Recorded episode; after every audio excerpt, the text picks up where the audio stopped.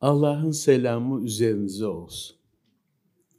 Aziz gençler, istikbalini siz gençlere bağlamış bir milletin çocukları olarak teşrifinizden dolayı size teşekkür ederim. Naçizane yazdığım bir kitabın burada tahlilini yapmak üzere bulunuyoruz. Sizler soracaksınız. Ben de biliyorsam cevaplandıracağım. Bülent Bey böyle bir e, teklifte bulunduğunda ben de seve seve kabul ettim. Ve 50 küsur yıl içinde yazdığım makalelerden toplanan Ömrümün Bereketi isimli kitabın birincisi hakkında konuşmak üzere bu toplantıyı yapmış olduk. İşittiğim kadarıyla sizler kitabı okumuşsunuz.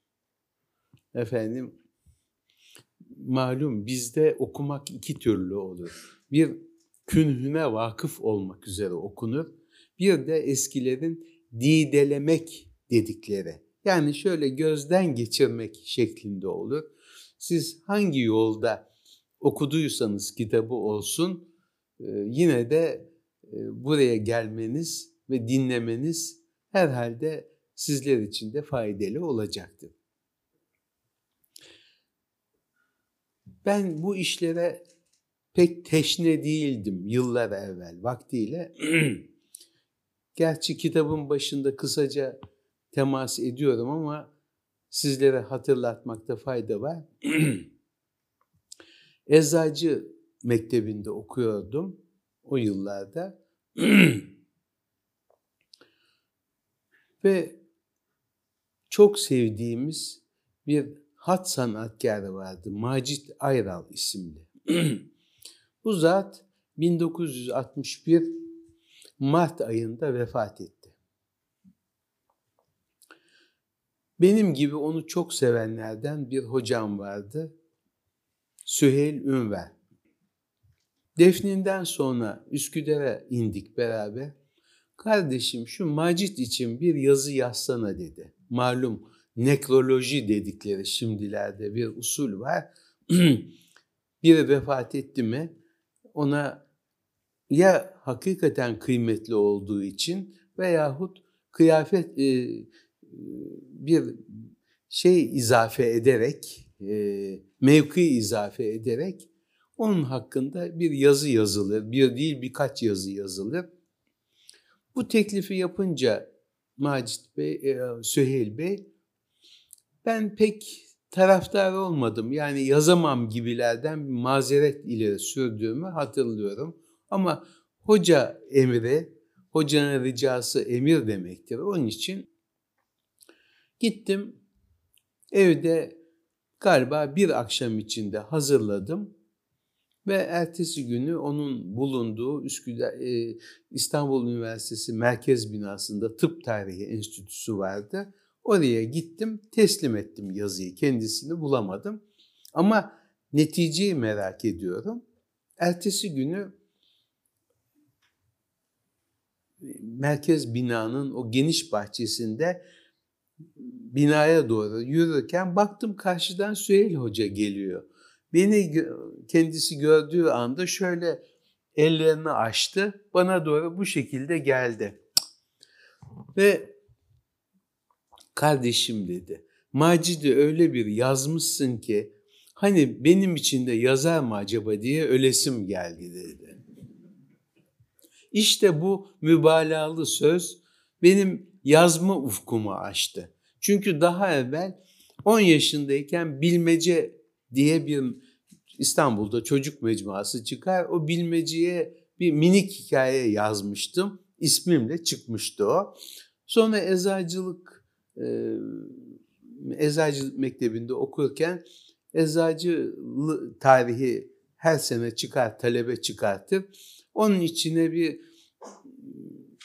yazı yazmıştım. O üçüncü kitapta galiba şimdi çıktı ömrümün bereketinde. Bununla o bahsi kapadığımı sanıyordum. Ama rahmetli Macit Bey'in vefatı bu yolu Süheyl Hoca'nın telkiniyle açmış oldu.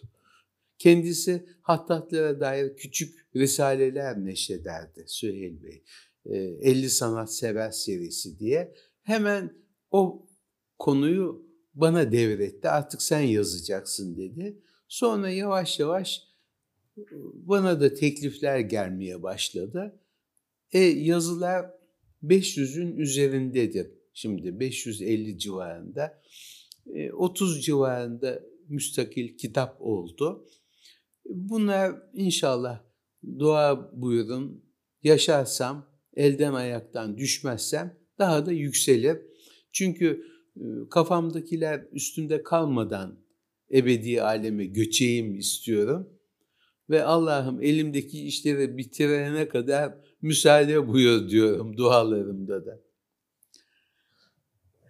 Benim ilk söyleyeceğim bunlar. Bundan sonrasını sizlere bırakayım. Siz sorun, ben de biliyorsam cevaplandırayım. Ne dersiniz? Usul böyle mi? Evet. Öyle yapalım. Evet.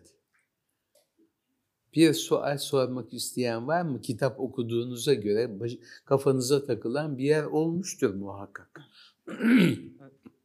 Üstadım izninizle. Buyurun. Hocam Turing'e hoş geldiniz. Ee, hoş bulduk. Kitabı alıp ilk feristine baktığımda hemen dikkatimi Fethi abinize, Fethi Gemuloğlu beyefendiye ayırdığınız bölüm çekti. Evet. Orada da abinizden çok güzel bahsetmişsiniz. Ee, Fethi Gemiloğlu beyefendinin dostluk üzerine konuşması bizim sürekli okuduğumuz, e, defalarca kez okuduğumuz, üzerine konuştuğumuz bir yazı. Orada Fethi abiniz e, şöyle diyor, e, dertsiz, dertli, e, dertsiz insanlar görüyorum, onlara kırgınım. E, siz kendisini tanıyan biri olarak e, bu dertsiz insanlar kim ve onun gözünden dertli insanlar kim bize biraz anlatır mısınız? Teşekkür ederim. Ben ben de teşekkür ederim. Dertsiz insanlar cemiyetimizde ekseriyet durumunda olanlar. Bu memleketin üzülünecek çok tarafları var. Ve Fethi abi kendi çapında onların azalması için gayret gösterirdi. Ve kendisini kısaca tanıtmak icap ederse büyük bir muzdarip olarak tanıtmak gerekir. Fethi abi dünyaya Cenab-ı Hakk'ın lütfu keremiyle gelmişti ama kendisi olanlara çok üzüntü duyardı ve onun için de bu söz geçerliliğini onun için muhafaza eder diye cevap vereyim. Başka? Buyurun. Merhabalar efendim. Abdülhamit Beşir Marmara Üniversitesi Tarih Eğitiminde yüksek lisans öğrencisiyim. Yolda gelirken de ben buna benzer bir sual etmiştim ama biraz ısrarkar olacak belki ama e, pek çok yazınızda İstanbullu olmak, İstanbullaşmak üzerine değiniyorsunuz. Kitabınızda, okuduğumuz kitabında bazı bölümlerinde bu mevcut fakat e, kitabın tamamını dide etmek sizin ifadenizde. Bu şekilde yaparak ancak bunları elde edebiliyoruz. Acaba e, dördüncü kitabınızın hazırlıkta olduğunu söylemiştiniz. Bir evet. bölümünü İstanbullu olmak, İstanbullulaşmak gibi bir bahse ayırmanız mümkün mü? Yahut böyle bir çalışmanız var mı? Bunu merak ediyorum ben. O yüzden Söyleyeyim. sual etmek istedim. Bir kere dide etmek değil, didelemek. Didele. Onu düzeltelim. Efendim, e, müstakillen böyle bir konuyu işlemedim. Oturup yazmam lazım. Eğer kitap müsaade ederse ona yaparız. E, ben yeni çıkacak kitabın hacmini bilemiyorum. Şu cihetten malum. Hep 528 sayfa olarak çıktı. Üçü de kitapların. Dördüncü de öyle olur. Birikenler sığmadı takdirde, eh beşinci de gelir arkada. e, o konuda yazmam lazım. Ama bu üç kitapta da serpinti halinde bölümler vardır içinden. Siz onları toparlayıp bir neticeye varabilirsiniz. Evet. Okumayanlar için İstanbullu olmak, şehirli olmakla ilgili birkaç ipucu lütfeder misiniz? Estağfurullah. Şimdi ben o şehirli olmayı, daha doğrusu İstanbullu olmayı Süheyl Hoca'da çok görmüşümdür. Böyle bir hadise karşısında anamız bizi İstanbullu doğurmuş derdi. Yani bu demektir ki ona göre muamele ederim ben de karşıdan gelecek herhangi bir aksülemele diye düşünüyordu. Ee, mesela ben Süheyl Bey'den birkaç misal vermek isterim. Bir yere giderken o öğle yemeği yemezdi. Simit yemeği tercih ederdi. Ama simidi her yanından geçene ayrı ayrı ikram edemeyeceğine göre cebine koyardı simidi ve cebinde küçük bir parçasını koparıp ağzına o şekilde başkalarına hissettirmeyecek şekilde atardı. Bu çok mühim bir konu. Mesela bilhassa Koca Mustafa Paşa gibi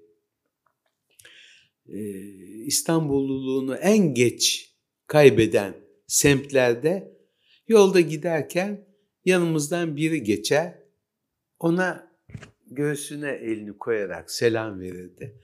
Niye böyle yaptım biliyor musun de. Dinliyorum. Hayır efendim. Dikkat ettin mi? Dudakları kıpırdıyordu. Bir virt sürüyordu o. Yani bir evrat, virt kelimesini bilirsiniz herhalde. Eğer ben ona açıktan selam verseydim o virdini kesip bana mukabil selam verecekti. Onu açma, açmamak için göğsümle selam vermeyi tercih ettim. Bu şekilde açıklaması. İnceliği siz artık düşünün. Mesela İslami bir şart olmaktan ziyade İstanbuli bir şart olan bir husus. Elinizi yıkadınız sabunla, ıslak elleriniz kurulamadan evvel üç avuç suyu alıp musluğun üstüne koymak ve onu şartlamak eski tabiriyle. Çünkü şart İslam'ın getirdiği bir şey ama musluğu şartlamanız diye bir şey yok. Onu İstanbulluluk icabı yapıyor. Şimdi şu anda aklıma gelenler bunlar. Ama dediğim gibi makalelerde parça parça buna rastlarsınız. Siz de hatırlatırsanız ben de devam ederim. Buyurun. Hocam çok teşekkür ederiz. Ben kitabın adı beni çok etkiledi. Açıkçası ömrümün bereketi. Dedim başka daha ne güzel bir isim bulabilirim. Hakikaten çok hoş bir isim. Bu ismin kaynağını ya da neden böyle bir isim verdiniz? Bir anısı, bir hatırası var mı bunun? Ömrümün bereketi çok hoş bir isim. Bir Benim kitaba, de hoşuma gitti evet, doğrusu. E, bu konuda e, bize söyleyecekleriniz var mıdır? Arz edeyim. Bu makalelerin kitaplaştırılması hususu Kubbealtı Cemiyeti'nden bana geldi ve vakfın başındaki Sinan Ulağant'tan geldi. Ben hatta pek üstüne de düşmedim o zamanlar. Sonra kabullenince bir isim bulalım diye konuştuk. Ben on kadar isim yazdım kendimce. Fakat etrafıma bunları sunduğumda herkes ömrümün bereketinde ittifak gösterdiler. E benim de hoşuma gitmişti o isim. Öyle kondu yavrunun ismi. evet. Buyurun. Ömrümün bereketi e, boyunca görüyoruz ki medeniyetimizin sanatları e, medeniyetimizin sanatları ile ilgili e, hemen hepsiyle ilgili çalışmalarınız var, hizmetleriniz var. E, bu sanatlarda gelenekselle modern arasında günümüzde birçok tartışmalar var. E, bu gelenekselle modern arasındaki dengeyi nasıl tutturmamız mümkün? Nasıl bakıyorsunuz? Bakıyorum, öyle kalıyorum ben. Çok zor bir sual bu. Sual kolay da cevabı zor. Evet. İşte o sıkıntı içindeyiz hepimiz. Hepimiz o sıkıntı içindeyiz. Ama şu muhakkak ki bizim hüviyetimizi, şahsiyetimizi kaybetmemizde Batı'nın çok rolü olmuş. Bilerek, isteyerek yapılmış bir şey bu. 18. asırdan itibaren nasıl bir kaybetme, bu bapta çökme hali zuhur ediyor. Ben mesela hat sanatını aşağı yukarı millileşmesi, Osmanlılaşması 16. asırda başlar, 15'in sonlarında başlar ve 20. asra kadar, harf inkılabına kadar günü gününden ala hiç tökezlemeden, düz dahi gitmeden yükselerek devam eder.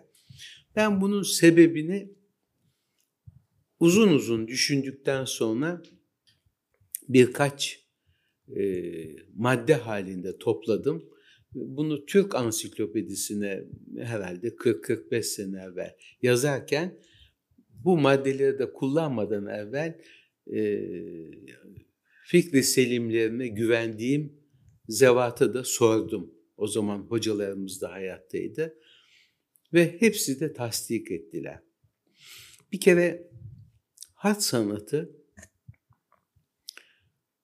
hocadan talebeye e,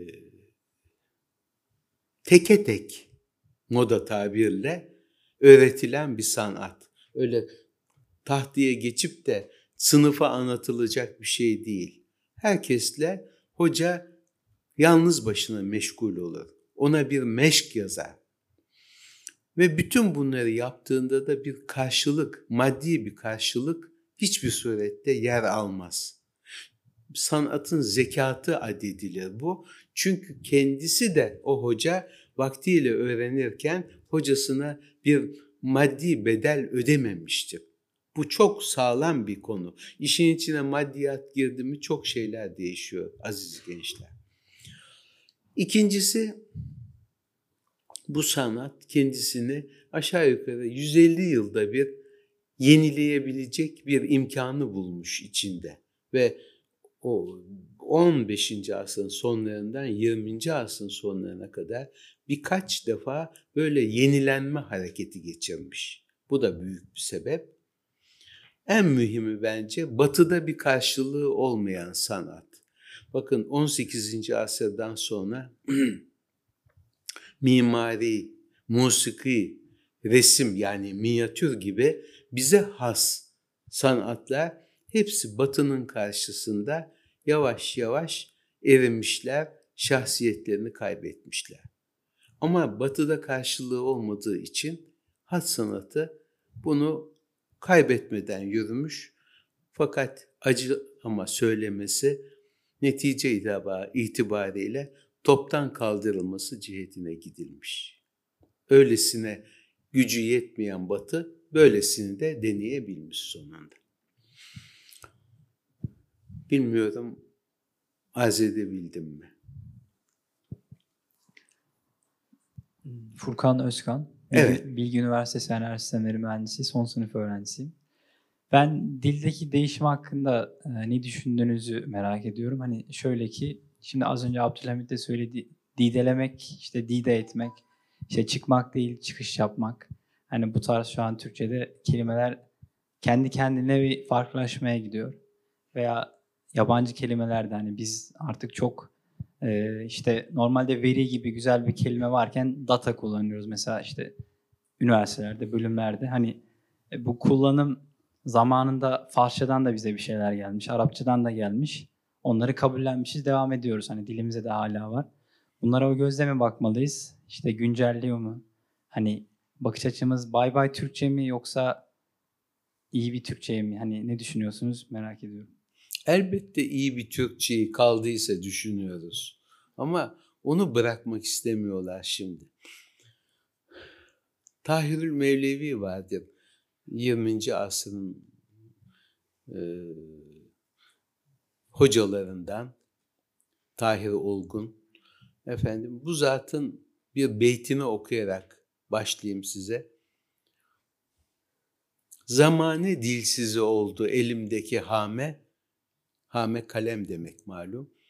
Zamane dilsizi oldu elimdeki hame, bugünkü Türkçe için ben de tercüman ararım. Bu 1930'ların ortasında söylenmiş bir beyit.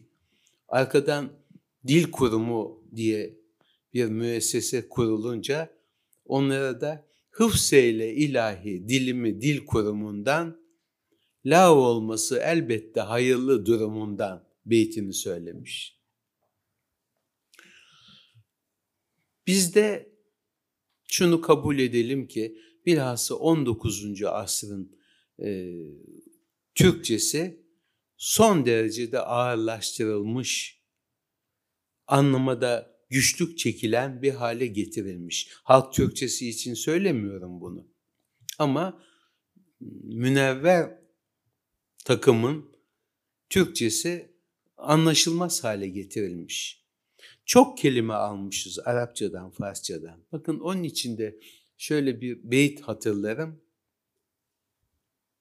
Şimdi şu anda gelmiyor. Gelir inşallah. Efendim bu tarzda ağırlaşmış bir Türkçeyi zaten Muallim Naci devrinden itibaren yavaş yavaş tasfiyeye anlaşılır hale getirmeye başlamışlar. Hele Ömer Seyfettin ve arkadaşlarının gayreti o genç kalemlerin Türkçeyi ideal bir hale getirmiş. Yani 20. asrın ilk çeyreğindeki Türkçe.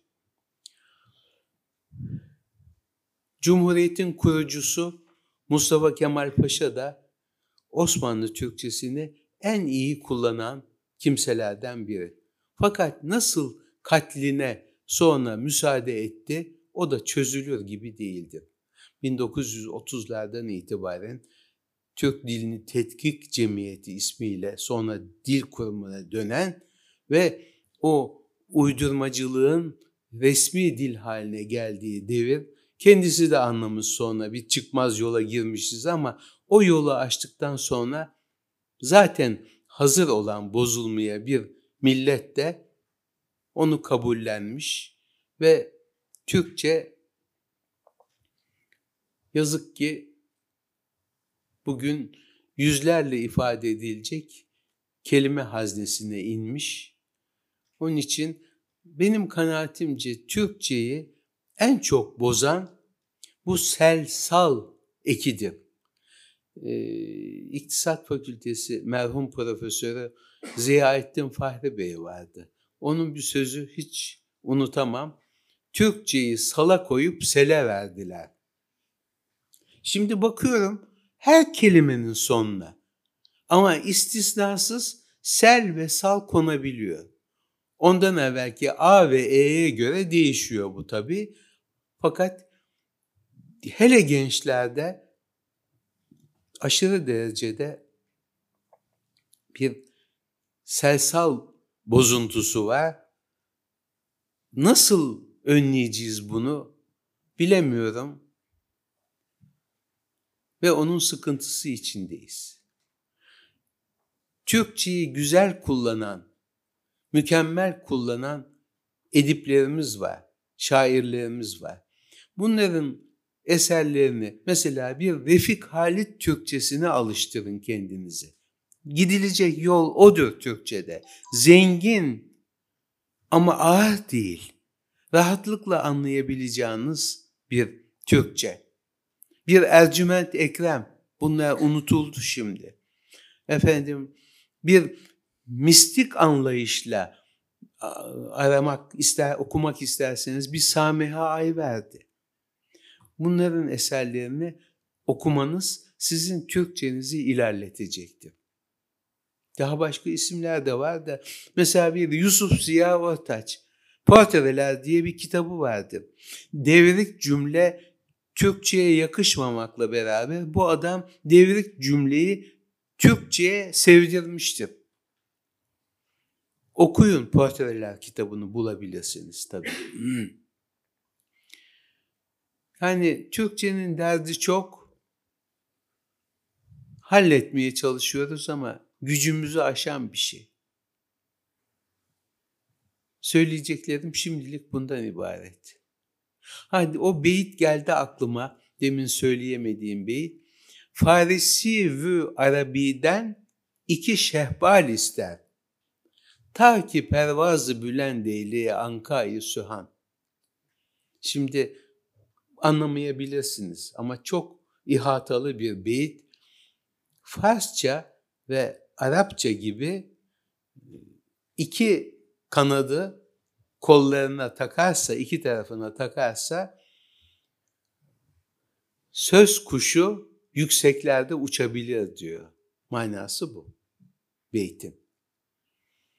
Eğer biz Arapça ve Farsçadan kelimeleri seçerek aldıysak çok iyi etmişiz. Ben Özbekistan'a gittim. Özbeklerin konuştuğunu Türkçe konuşuyorlar. Anlayamadım. Sonra dedim ki eğer Batı Türkçesi olmasaydı biz Anadolu'ya gelmeseydik bugün Türkçe bu halde olacaktı. Dangul dungul bir Türkçe. Ama İstanbul Türkçesi hele bunun son noktası Arapça ve Farsçadan aldığı kelimeler de yeterli olmuş kendisine. Bilhassa 19. asırda bir de Servet-i Fünun devrinde çok aşırıya gidilmiş artık. Anlaşılmaz bir hale gelmiş. Her kelime alınır hale gelmiş. O olmasaydı 19. asırda kalabilseydi Türkçe çok daha yerinde olurdu diye düşünüyorum. Maruzatım budur. Buyurun efendim. Estağfurullah. Ee, Peyami Sefa'nın Cingöz Recai'nin sergüzeşleri yayınlanıyor. 3-4 Evet. oldu. O aslı gibi yayınlanıyor bir de. Bozulmadan, Evet, değiştirilmeden. Yani ilk, e, gazetede yayınlandığı gibi çok güzel. Hem okuması akıcı hem de öğrenmesi anlamında güzel bir örnek. Ben size iki e, sorum var, sualim var.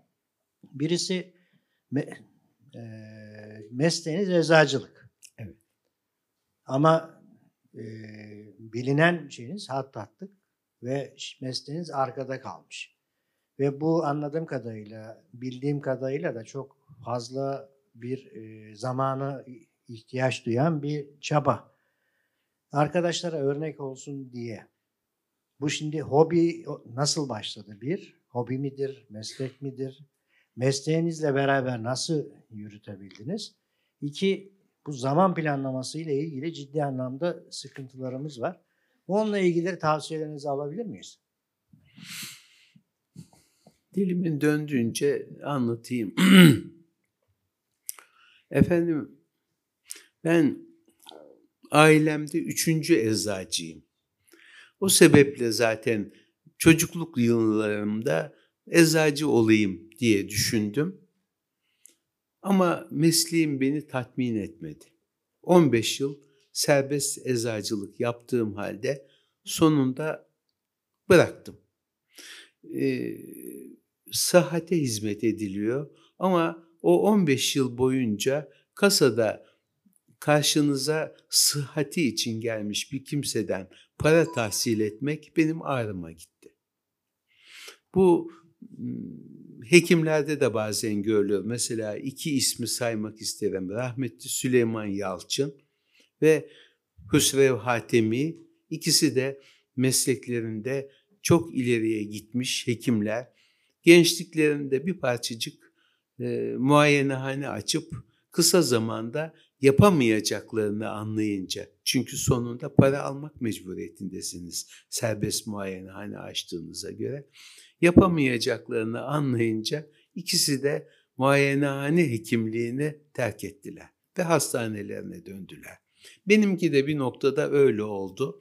Hele Türk Petrol Vakfı gibi bir müesseseden Fethi abinin vefatıyla teklif gelince kendimi oraya seve seve nakletmekte bahtiyar oldum diyebilirim. Ee, benim şahsi şeyleri anlatmak istemiyorum burada ama sual icabı anlatmam gerekiyor. Edebiyata çocukluğumdan beri merakım vardı ve o zamanlar kompozisyon dersi diye bir ders vardı. Tahrir yahut denirdi.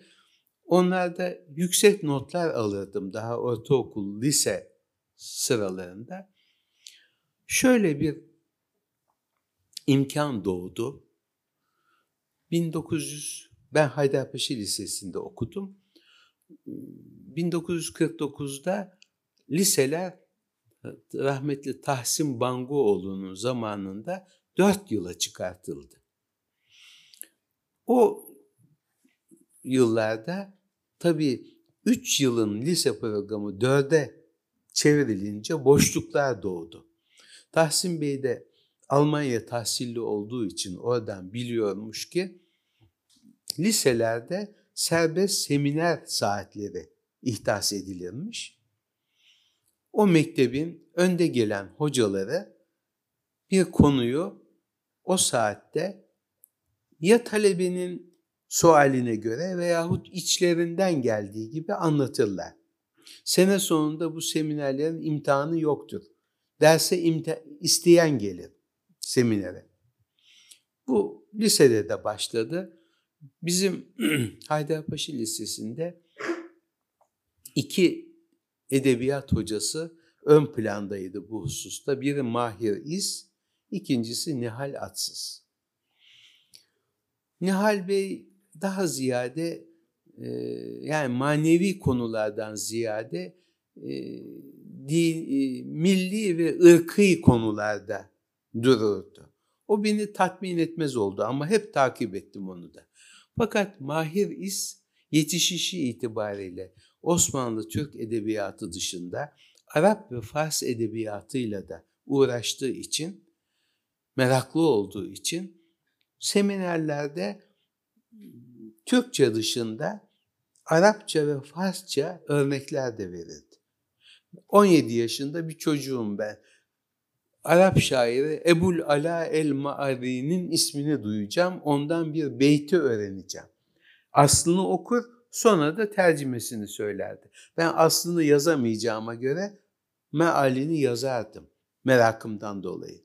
Farsça da öyle. Hafızlar, şehzadiler. Yani sene 1950-51 o yıllarda Türkiye'de herhangi bir lisede bir hocanın bu yabancı saydığımız dillerde bir şey okuması akla gelmeyecek bir şey. Zaten duyulsa müfettiş yollarlar niye bu okutuluyor diye. O zaman İstanbul Edebiyat Fakültesi, Ankara Dil Tarih Coğrafya Fakültesi'nde 20'şer kişi şarkıyat bölümüne talebe alınır. İmam Hatip Mektebi'ymiş yahut dini bir tedrisat yapan mektepmiş böyle şeyler yok. Gizli olarak Anadolu'da medreselerde Arapça okutulurmuş. Ama resmi bir yerde bunların okutulması olmayacak şey. Ben çok meraklıydım bu konularda ve dediğim gibi notlar alırdım. Benim bu yakınlığımı görünce Mahir Bey o da ilgilenmeye başladı. Ve liseyi bitirene kadar da bu böyle gitti. Mezun oluyoruz. O zamanlar bir bakalorya imtihanı vardı. O imtihanda herkes yerine oturmuş. Mümeyyiz olarak Mahir Bey de orada. Önüme kadar geldi. Mezun olup gidiyorsun dedi. Ama rabıtamızı koparmayalım dedi. Aynen onun tabiriyle söylüyorum. Sizi nasıl bulayım dedim. Ev adresini verdi. Mezun olduk sene 953 ve hemen belki 10 gün içinde kalktım bağlar başında evi oraya gittim. Ve oturduk, konuştuk, ettik. Hatta bana Senüyüddin Başak'ın bir Fıkı Ekber diye kitabı vardı. Hemen onu okuttu. Yeni harflerle tabii mana vererek. Sonra sen dedi bu işlere meraklısın. Ama bunun anahtarını edinmezsen hiçbir şey olamazsın dedi. Anahtar kastı asırlarca kullandığımız harfler. Ben Elif'i görsem mertek sanacak haldeyim. Hiç. Çünkü biz çocukluğumuzda bir dini eğitim almadık. Yoktu, alınamazdı. 30'lu yıllar. Ve peki dedim hemen başlayalım diye arzu ısrar edince o gün başladık Elif, B, F, Kaf yazmaya. Ve üç ayda aşağı yukarı o iş halledildi. Şimdi dedi sana tavsiyem git sahaflardan bir Hüseyin Rahmi romanı al dedi.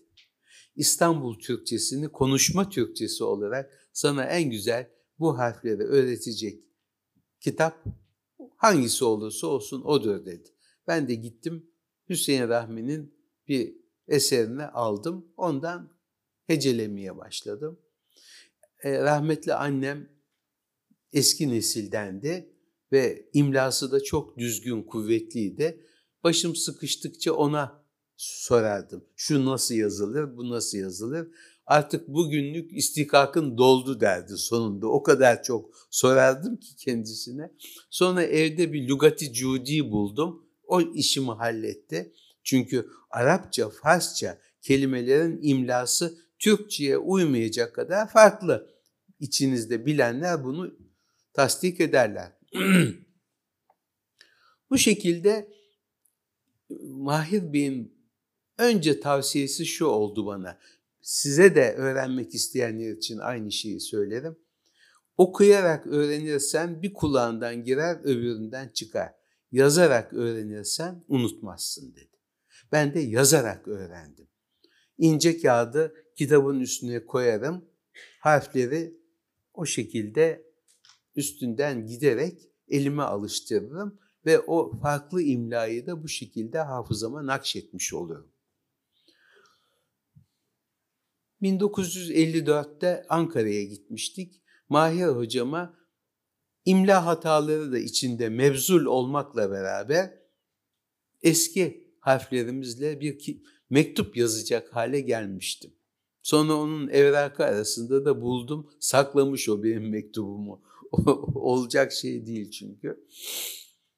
Bu şekilde okuma başlayınca sokakta giderken çeşme görüyorsunuz, medrese görüyorsunuz, cami görüyorsunuz. Onun üzerinde sonradan adına kitabe dendiğini öğrendiğim yazılar buluyorsunuz eski harflerle. İşte ben onları hecelemeye başladım. Üsküdar'da oturuyoruz. Üsküdar'da çok bu bapta zengin bir semtti. Derken bugün Antikacılar Çarşısı'nın bulunduğu yerdeydi fakirhanemiz. Necmettin Hoca, Necmettin Okyay, Üsküdar'ın büyük sanatkarı, iki ev ötemizde bacanağa oturduğu için oraya gelir gider. Onu görürüm ama işte cesaretsizlik. Yahu git elini öp. Ben meraklıyım böyle şeylere de. Bir filan yok. Yapamam. Benim süt dayım Üsküdar Yeni Camii'nin kayyımıydı. Bugünlerde herkes kayyum diye yanlış kullanıyor. Onu da düzeltmiş olalım. Kayyum Esma-i Hüsna'dandır. Cenab-ı Hakk'ın isimlerindendir. Kayyım ayrı bir kelimedir. Camilerdeki temizliği vesaire yapan kimselere kayyım denir. Onu da düzeltmiş olalım aranızda kayyum olarak kullanan varsa. O zata söyledim. Beni Necmettin Hoca'ya götüreceksin dedim. Hastaydı, şuydu, buydu falan. Ne olursa olsun dedim. Bir gün kestik, kalktık, gittik. Toygar Tepesi'nde oturuyor kendisi. Üsküdar'ın üstündeki tepelerden biri. Dört dönümlük bir bahçe içinde eski bir evi var. Ee, gülerek karşıladı bizi ve sebebi ziyaret dedi. Bu genç sizden yazı yazmak istiyor dedi. Bizim süt dayı. Evladım, benim ihtisasım talik hattındadır. Eğer sülüs nesih yazmak isterseniz sizi akademide Halim Efendi vardır ona yollayayım dedi. Bakın kıskançlık yok bir kere. Bana gelsin şu bu. Zaten işin içinde para meselesi yok ki. Bizim süt dayı büyük bir münasebetsizlikle dersi kaça olacak hocam dedi. O güler yüzü hocanın bir anda değişti ve gözleri yerinden uğradı. Estağfurullah biz dedi bunu parayla öğrenmedik ki parayla öğretelim dedi. Böyle şeylerin sözünü bir daha etmeyin dedi. Kapadık bahsi. Evladım pazar günleri şu, saatte gel dedi saat 11'de. O yıl 1955 demek ki 64 yıl evvel nüfus sayımı yapılıyordu. Şimdikiler bilmez nüfus sayımında eve kapanılırdı eskiden. Ben ben de bir genç olarak nüfus sayım memuru yazmışlardı mahallede. O işi erkenden yaptım. Bir gün evvelden de Üsküdar'da Hacı Bekir muadili bir şekerci güzeli vardı. Meşhur şekerci. Oradan bir badem ezmesi yaptırdım. Hocanın dişine göre hoşuna gider falan. Bitti. Erken bitirdim sayım işini. Hemen fırladım Toygar Tepesi'ne. Evladım nasıl çıktın sokağa? Bugün yasak. Ben sayım memuruydum efendim. Onun için işim bitti geldi dedim. Güler yüzle beni içeri aldı. Fakat elimdeki o kutuyu görünce o güler yüz birdenbire ciddileşti. Evladım, sizi böyle şeyler getirmekten men ederim. Öğretişim hasbi olmaktan çıkar, menfaat karşılığına döner. Peki efendim bir daha getirmem dedim. Epey zaman bir şey götürmedim ama zaman bizi hoca talebeden baba oğula çevirince artık istediğimi götürürdüm ve o da bir şey demezdi.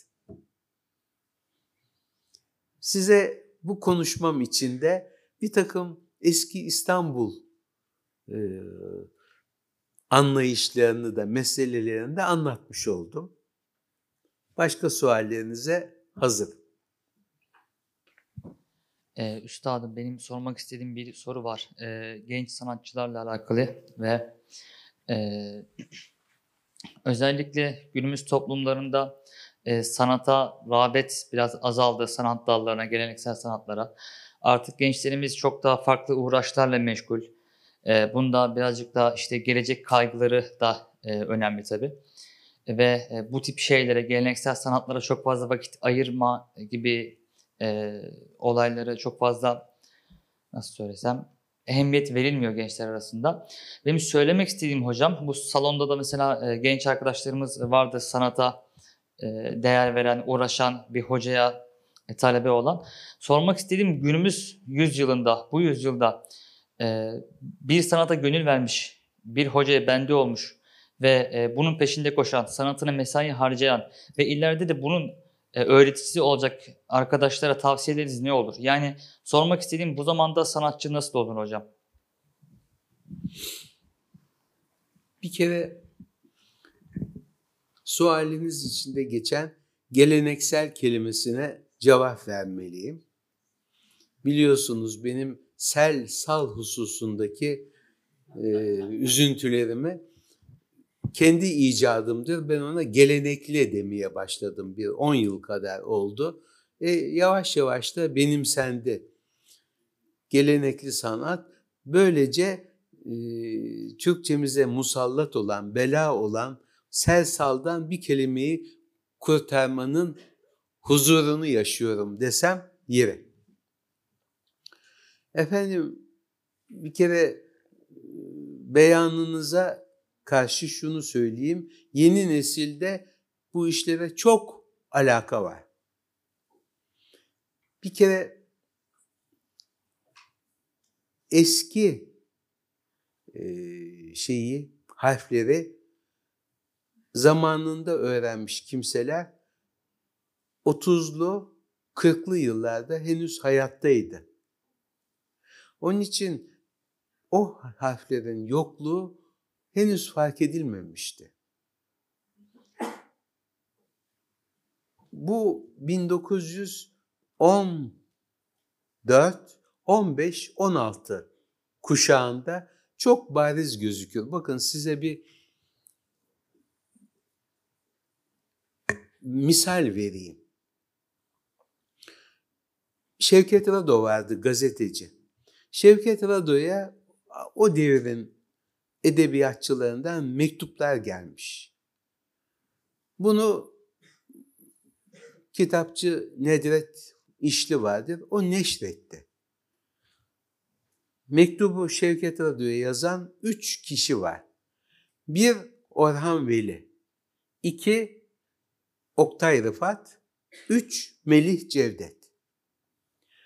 Okta, e, şeyin Orhan Veli kendisi 1914 doğumlu. İmlası son derecede düzgün. Harfler eski harfleri son derecede düzgün. Arkadan 15 Oktay Rıfat geliyor. Harfler artık dalgalanmaya başlıyor satırda. İmlada eh bir şeyler çıkıyor. Arkadan 16 Melih Cevdet geliyor. Artık harfler hora tepiyor satırda ve imla hatası da var, şu da var, bu da var. Çünkü 14 doğumlu olan 13 14 yaşına kadar bu harfleri yazmış Orhan Veli. Onun için düzgün. Bir yıl eksilmekle bir şeyler gidiyor. Bir yıl daha eksilmekle adam akıllı işin cılkı çıkıyor. O nesilden sonra gelenler artık dili de yazıyı da kaybediyorlar. Mesela Mehmet Akif'in vefatından sonra eski kelimeler bazı kimselere sorulmuş. Her cümer ciddiğin edvare de yetmez o kitapta. Edvar ne demek? O günlerde İngiliz kralı İstanbul'a gelmiş. İngiliz kralı diyor cevaben. Düşünebiliyor musunuz? Gencimiz Edward İngiliz kralı. Evet gelmiş Edward ama orada kastedilen nedir? Her cümen cettiğin Edward'a da yetmez o kitap mısrağında. Süratle kayboluyor. Harf inkılabı ile beraber daha doğrusu ondan iki yıl evvel Turalar ve metiyeler hakkında bir kanun çıkartılıyor. Meclise sokulmuş bir mebus bozuntusu var. Ekrem Rize. Bu adam bu kitabelerin vesairenin kalkması için daha eski devrelerden itibaren mücadele veriyor mecliste. Fakat muvaffak olamıyor ama 1927'de muvaffak oluyor. İşte e, meclisin hem mebusun bulunmadığı sıralarda vesaire. Herhalde işitmişsinizdir veya işitmemişsinizdir. Bizde inkılap kanunları denilen kanunlar hep cuma günleri cuma saatinde çıkarılmıştır. Çünkü bizim çok Müslüman mebuslarımız cuma namazına giderler. O boşlukta da geçmemesi icap eden kanun geçirilir. Ne acı bir şey. Sen orada vakit namazını kıl be adam. Ne lazım böyle bir şey olacağını biliyorsun. Her ne halise. Bu şekilde 1927'de hala İstanbul'da bazı yerlerde görürsünüz kitabenin üstünde tuğra kazınmıştır veya alttaki kitabe kısmı kazınmıştır.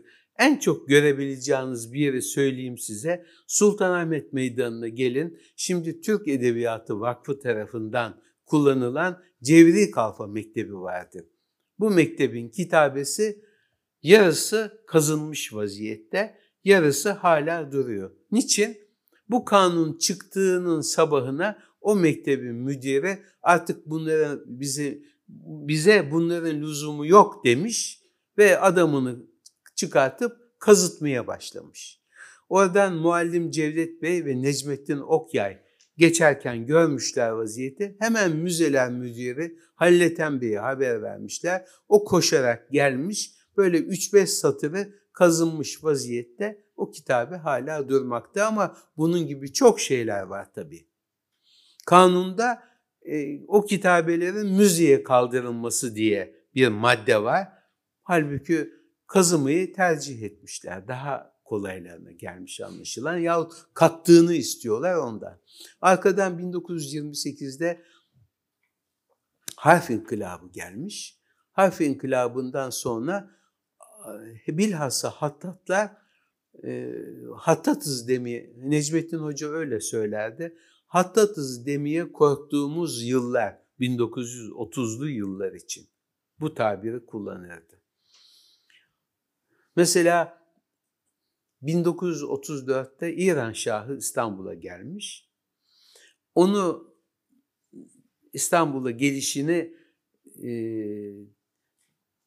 kutlar mahiyette Farsça bir cümle yazılmış ve bu resmen belediye tarafından Necmettin Hoca'ya bunu yazın hocam diye teklif götürülmüş. O da yazmış. 14 metre uzunluğu var, 2,5 metre yüksekliği var. Böyle kocaman bir e, kitap kitabe değil. Şey, yafta bez üzerine yazılıyor çünkü. Altına da imzasını atmış Necmettin diye aynı harflerle. Harf inkılabı olalı 3-4 yıl oluyor.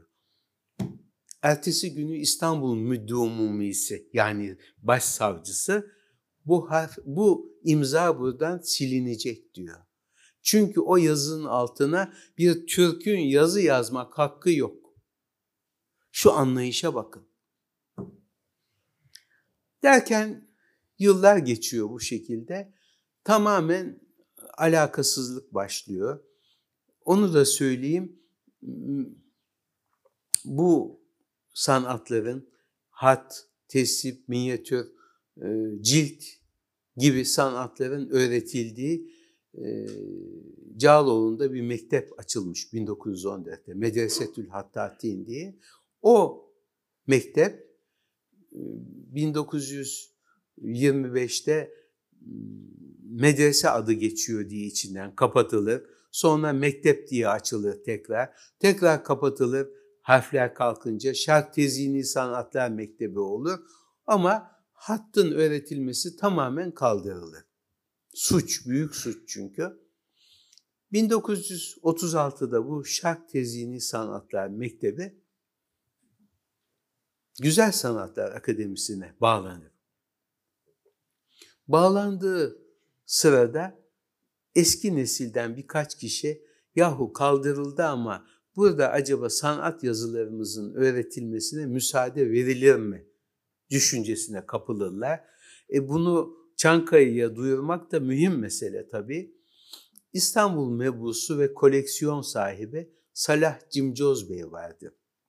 Salah Bey'e söylüyorlar bu işi.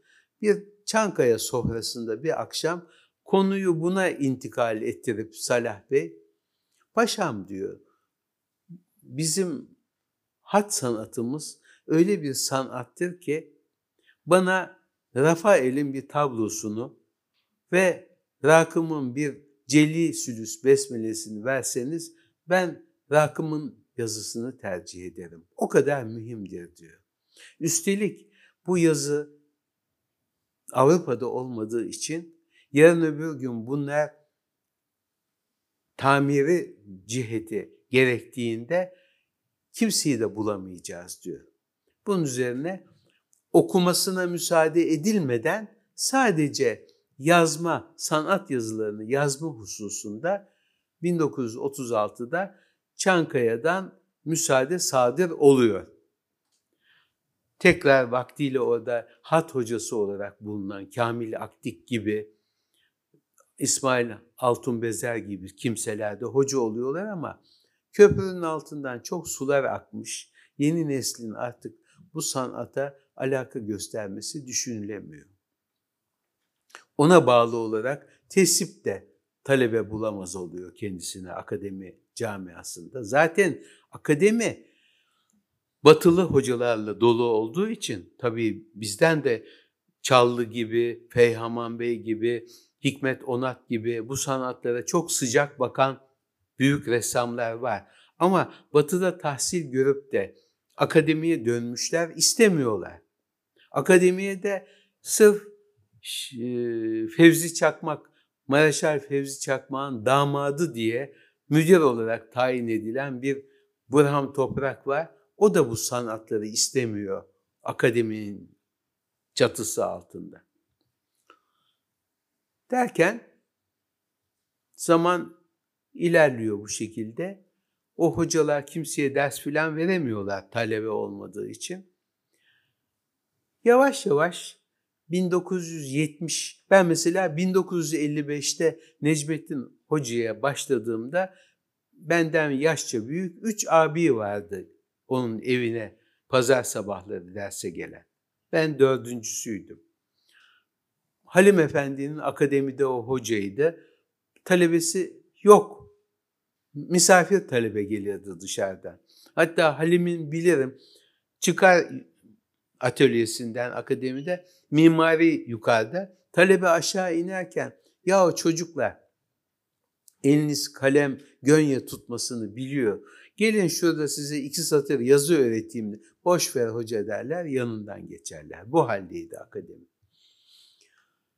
Ve bu şekilde yeni nesilden öğrenme arzusunu duyan hiç kimse kalmaz oldu. Derken 1960'lı yılların ortalarında yeni nesilden bazı kimseler o devirde Halim Efendi akademide hocalıktan yeni ayrılmıştı. Hamit Bey bir de e, Cağaloğlu'nda atölyesi olan eski nesilden bir hatta onlara müracaat etmeye başladılar. Halim ne yazık ki 64'te bir trafik kazasında vefat etti. Hamit Bey yeni nesle göstermeye başladı. O yeni nesil şimdi büyüdü aradan neredeyse 50 yıl geçti. Onlar bugün yetişenlere öğretiyorlar. Yani eski kopuk devir şimdi ortadan kalktı ve yeni nesilden çok öğrenenler var gençlerin içinde. Tesip de öyle. Hatta diyebilirim ki yeni eskiden bu bahsettiğim büyük isimler hattan para kazanmış değiller. Çoğu yaptıkları hediye olarak gider. Ama şimdi yeni nesil çok iyi para kazanıyor hattan, tesipten.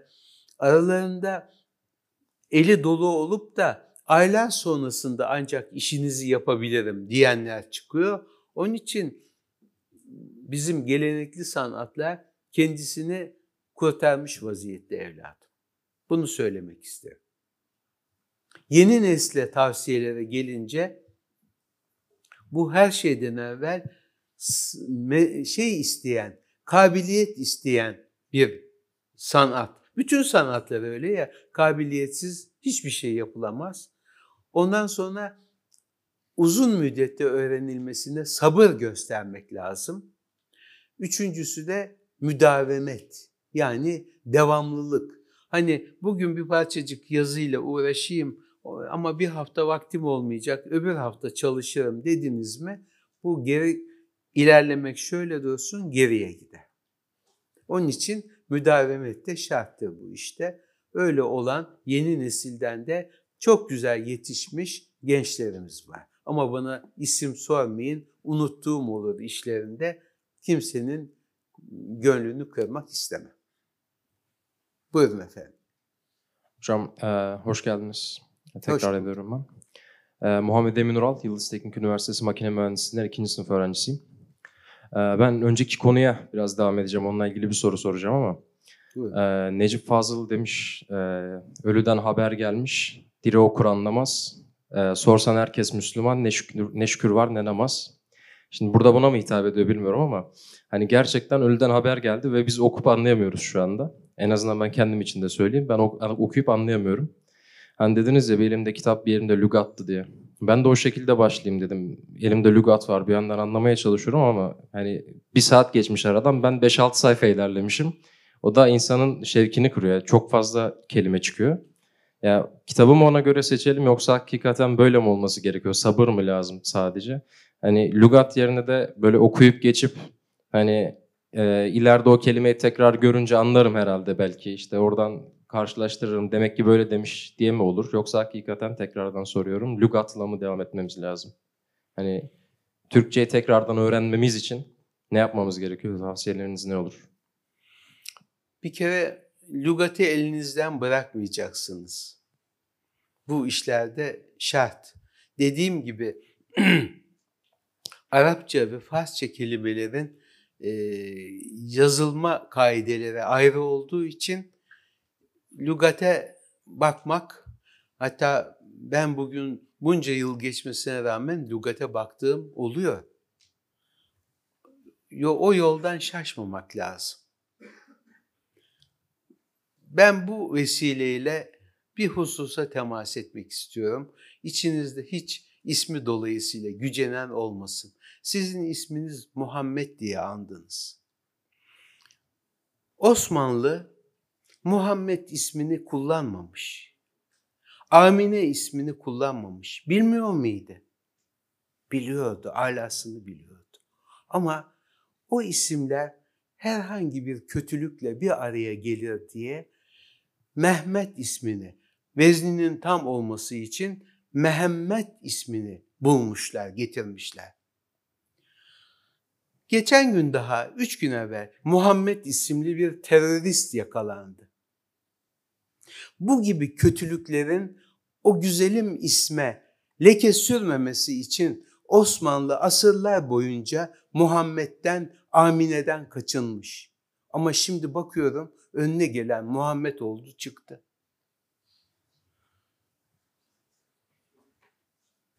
İsmi böyle konana artık diyeceğim yok. Hoş onu da değiştirmek şimdi nüfus idaresinde çok kolay oluyor ama Osmanlı cehaletinden e, Mehmet'e dönmemiş. Mehmet, Mehmet dememiş. Bilakis çok iyi bildiğinden Muhammed'i kullanmamış. Buna da nazar dikkatinizi celbederim. Merhabalar efendim, hoş geldiniz öncelikle. Teşrif buyurdunuz burayı. Allah sizden razı olsun. Cümlemizden. Ee, Zeynep benim adım. Ee, benim sizden iki konuda e, tavsiye alma gibi bir isteğim vardı. Birincisi, e, biz şimdi sizin e, kitabınızın adı Ömrümün Bereketi olunca e, bu konuda sizden tavsiye almasak olmaz zaten. E, çünkü hepimiz bir bereketsizlik, bu e, maddi şeylerden bahsetmiyorum. Ömrümüzün bereketsizliği içinde çırpınıyoruz gerçekten tam anlamıyla. Belki de böyle söylenebilir bu. E, bu konuda biz gençlere, benim neslime ne önerirsiniz? Siz 3 cilt yazdınız, 4'ü yazıyorum dediniz. E, belki 5 olur dediniz. E, bu kadar bereketlik içinde bu bereket bizde e, nasıl sirayet eder? Bunun hakkında bir tavsiye istiyorum. İkincisi de e, gelenekli olarak bir tanesini kurtardım. Çok mutluyum bundan dediniz. E, bunu biz e, sizin de belirttiğiniz gibi selsal eki bildiğim kadarıyla Fransızcadan geçmiş olan bir ek e, yanlış da biliyor olabilirim. E, bu eki biz her kelimede hemen hemen kullanabiliyoruz. E, buna bir alternatif, bir müda e, yani bir benzeri olarak ne önerirsiniz? Sizin gibi biz de belki kurtaracağımız kelimeler olur. Çok teşekkür ederim. Estağfurullah. Bir kere e, Arapçadan, Farsçadan geçmiş kelimelerde kullanılan bizim yayı nisbi dediğimiz yani nispet y'si. Sonra y harfi gelir ama i gibi okunur. O zaten kelimenin aslını size veriyor. Uzatılmış i mesela milli kelimesi. Hoş onu da şimdi milliye çevirdiler ya. Milli ikinci i'nin üstünde şapka olacak. Yeni harflerin en büyük eksiği inceltme ve uzatma işaretlerini tek şekil içinde toplaması olmuştur. Bir düz ki ben kitaplarımda onu kullanıyorum. A'nın üstüne düz çizgi koydum mu o K harfinin kalın okunacağını gösteriyor. Kahire derken ben e, K'den sonra gelen A'ya düz çizgi koyuyorum. Eğer şapka koyarsam onu yeni nesil veya bütün nesillerimiz artık Kahire okumaya kalkıyor. Şeyde İzmir'de Katip Çelebi diye bir üniversite açılmış. Bu üniversitenin rektörünün konuşmasına iki yıl evvel filan televizyonda rastladım. Koca rektör bir değil, iki değil, beş değil, Katip Çelebi. Katip Çelebi. Katip Çelebi diyor. Adam inceltmeyle uzatmanın farkında değil, rektör olmuş. Sonraki rektörüyle bir yerde tanıştık, ona söyledim. O ben değilim dedi. Benden evvelki dedi. yani bu işlere çok dikkat etmek lazım. Her şeyden evvel bu işler sabır isteyen şeyler. Onun üstünde durayım. Bir de lügat karıştırıp eski edebiyatçılarımızın, nasirlerimizin, nesir sahiplerinin eserlerini okursanız mesela demin Peyami Safa'nın adı geçti. Okunacak bir muharriri de Peyami Safa'dır. Efendim eski gazeteciler, Refi Cevat Ulunay mesela, Burhan Felek. Bunların günlük yazıları Türkçenin en güzel numuneleri. Tabii onlar da artık 70'li yıllarda gençlik anlamaz diye uydurukça kullanmaya başlamışlardı. Ne hazin. Bunlara dikkat etmeniz lazım. Ama her şeyden evvel bol bol kitap okumak. Dediğim isimler, daha başka isimler de var. Ben sakın bu saydıklarımla iktifa edin demek istemiyorum. Fazlasıyla er, mesela Ercüment Ekrem dedim. Ne kadar güzel bir Türkçesi vardı onun. Şiir içinde bir Yahya Kemal, bir Mehmet Akif, bir Faruk Nafiz. Bunlar Şimdi mesela Faruk Nafiz dedim aklıma geldi. Pek sevdiğim Fatih-i Kaside diye onun bir 500. İstanbul'un fetih yıl dönümünde çıkmış bir haza şiiri vardı. Benim kendisiyle son 7-8 yılında çok yakınlığım oldu Faruk Nafiz Bey'le. Efendim hatta bu okuyacağımı şimdi size kendisine de yüksek sesle coşarak okumuştum. Pek hoşlanmıştı. Beklemiyordu böyle bir şey çünkü. Enginlere at sürdüğün akşamdı kenardan. Kalyonları emirlerinle yürüttün karalardan. Çılgın boğazın taşla kilitlendiği günde zincirlere vurdun deli deryayı önünde. Açtın yeniden mucizeler devrine cedvel, sani Muhammed misin ey Fatih evvel? Tarih o devirler devirip gelmiş olan pir, gelmişse de devler devi, gömmüşse de devler devi, binlerce cihangir, der hatır eder bir seni Fatih denilince, bir sen bu cihan fatihi beş kıt adilince, fethettiğin iklime havari gibi girdin, dünyaya o gün sen medeni fethi getirdin. Çöktüyse hücumunla birer dağ gibi setler, çiğnenmedi aknalları altında cesetler.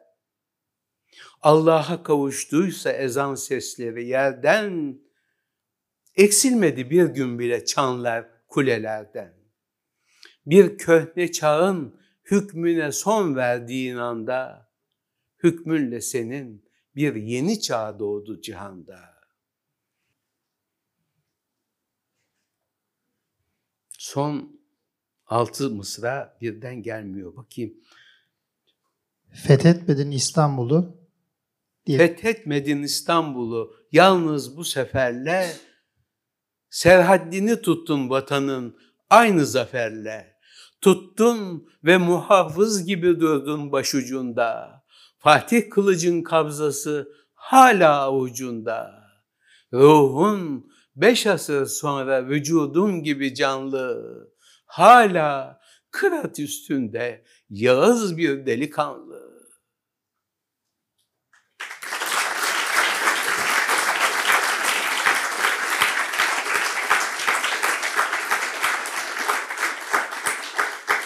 İşte şiir bu. İşte Türkçe bu aziz gençler. Belki içinde anlamadığınız kelimeler var. Ama mesela demin Muhammed kelimesi geçti. Bir kullanışı var onu orada. Açtın yeniden mucizeler devrine cetvel. Ancak peygamber mucize gösterebilir çünkü. Açtın yeniden mucizeler devrine cedvel. Sani Muhammed misin ey Fatih evvel? Ey ikinci Muhammed misin? Burada gerekiyor öyle demesi çünkü. Ey Fatih evvel. Ee, çok ince bir kullanış var orada. Biz Muhammed dememişiz ama orada onu kullanması gerekiyor. Evet, bizim güzel şiirlerimizden hafızanıza almaya bakın aziz gençler.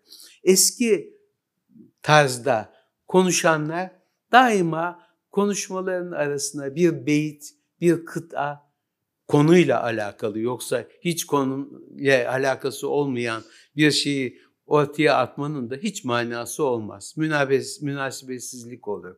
O konuyla ilgili bir şeyi atmak ortaya, bir şiir okumanız ne kadar güzel o. Şimdi mesela Üsküdarlı Talat Bey diye 20. asır başlarında hayatta olan klasik tarzda yaşamış bir şairimiz var.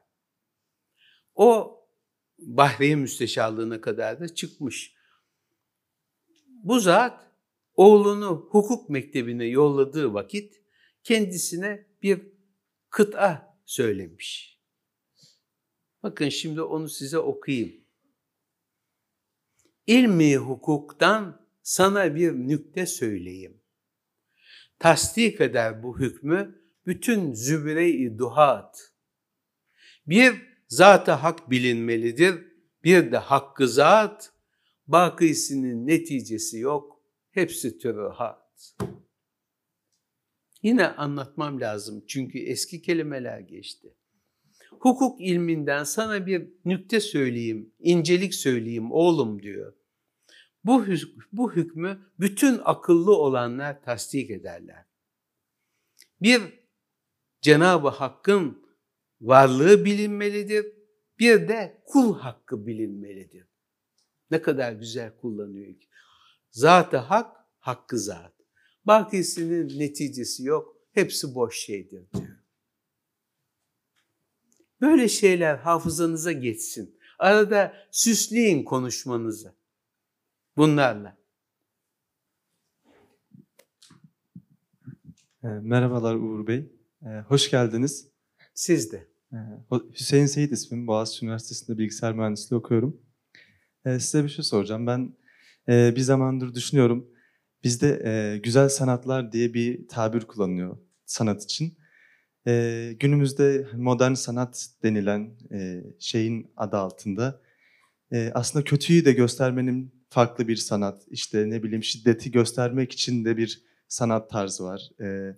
Bu yani bizim güzel sanatlar dememizin ayrı bir şey var mı? Yani biz güzeli göstermeyi, güzelle insanlara bir şey anlatmayı öncelemişiz. Bir sorun daha var müsaade ederseniz. Ee, o da bizim Kur'an harflerimizi ve takvimimizi geri almamız ve buna göre yani şu toplumda bunu yaşamamız mümkün mü? Bu yani Türkiye Cumhuriyeti'ndeki halk bu sancıya hazır mı? Teşekkür ediyorum. Sağ olun. Sondan başlayayım o harflere dönmemiz mümkün değil ve yeri de yok.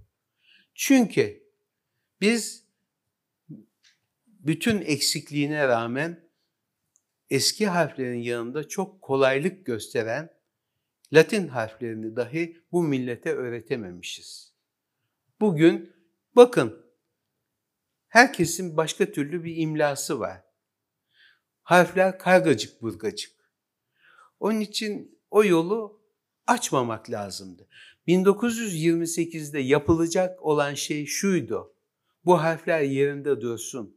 Edebi kültürümüz için, milli kültürümüz için bu lazım. Ama Latin harflerini kabul edelim denseydi bizi bugün bu hale getirmeyecekti yapılan inkılap kanunu. Sanat meselesi bir daha tekrarlar mısınız o sorduğunuzu?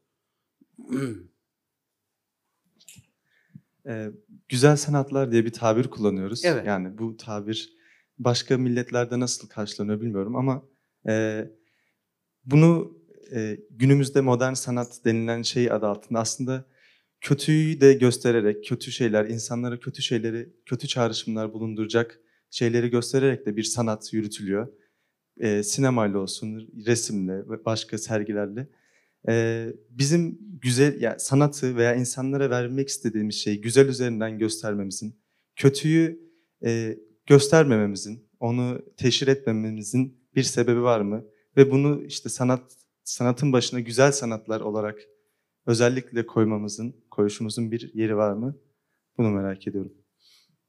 Evladım sanatın çirkini o derecede yayıldı ki güzel diye onu tasvir etmek gerekiyor. Başka türlü işin içinden çıkamayız. Yani en kısa yoldan size cevabım bu. Efendim benim bir sorum olacak kısa Buyurun. ve net. Ee, hat sanatıyla uğraşan kişilerin Arapça hatları neden güzelleşmiyor? Bunu sormak istiyorum. Bir daha.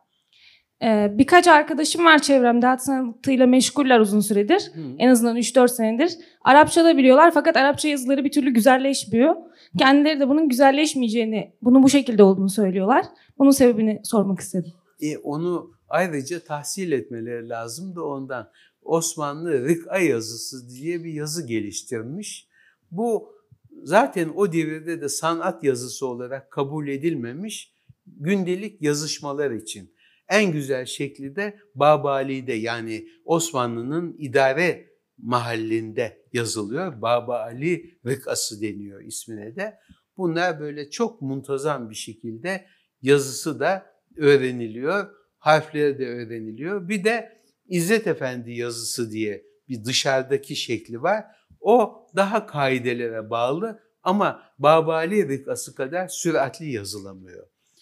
Arkadaşlarınız bunu tahsil etmeden yazılarının düzelmesine imkan yok. E şimdiki nesilde de rıka harfi öğreten genç hattatlar olduğu gibi matbu örnekleri dahi bulunabiliyor bunların. İş ki onlar öğrenmeye niyet etsinler. Gençlerimiz kitabı çok iyi okumuşlar, hazmetmişler ki bana sual soramıyorlar şimdi. Estağfurullah. Bir şey mi? Sor. Onu demin de söyledim. Her şeyden evvel bu işlere merakların sabah e, şey ne derler kabiliyet sahibi, istidat sahibi olması lazım. Ondan sonra sabır lazım. Şimdi mesela bu İSMEK denilen bir kurslar açıldı. 20 sene evvel açılacağı zaman gerek fakire gerek e, zevceme müracaat ettiler resmen ne yapabiliriz diye. Onlara dedik ki biz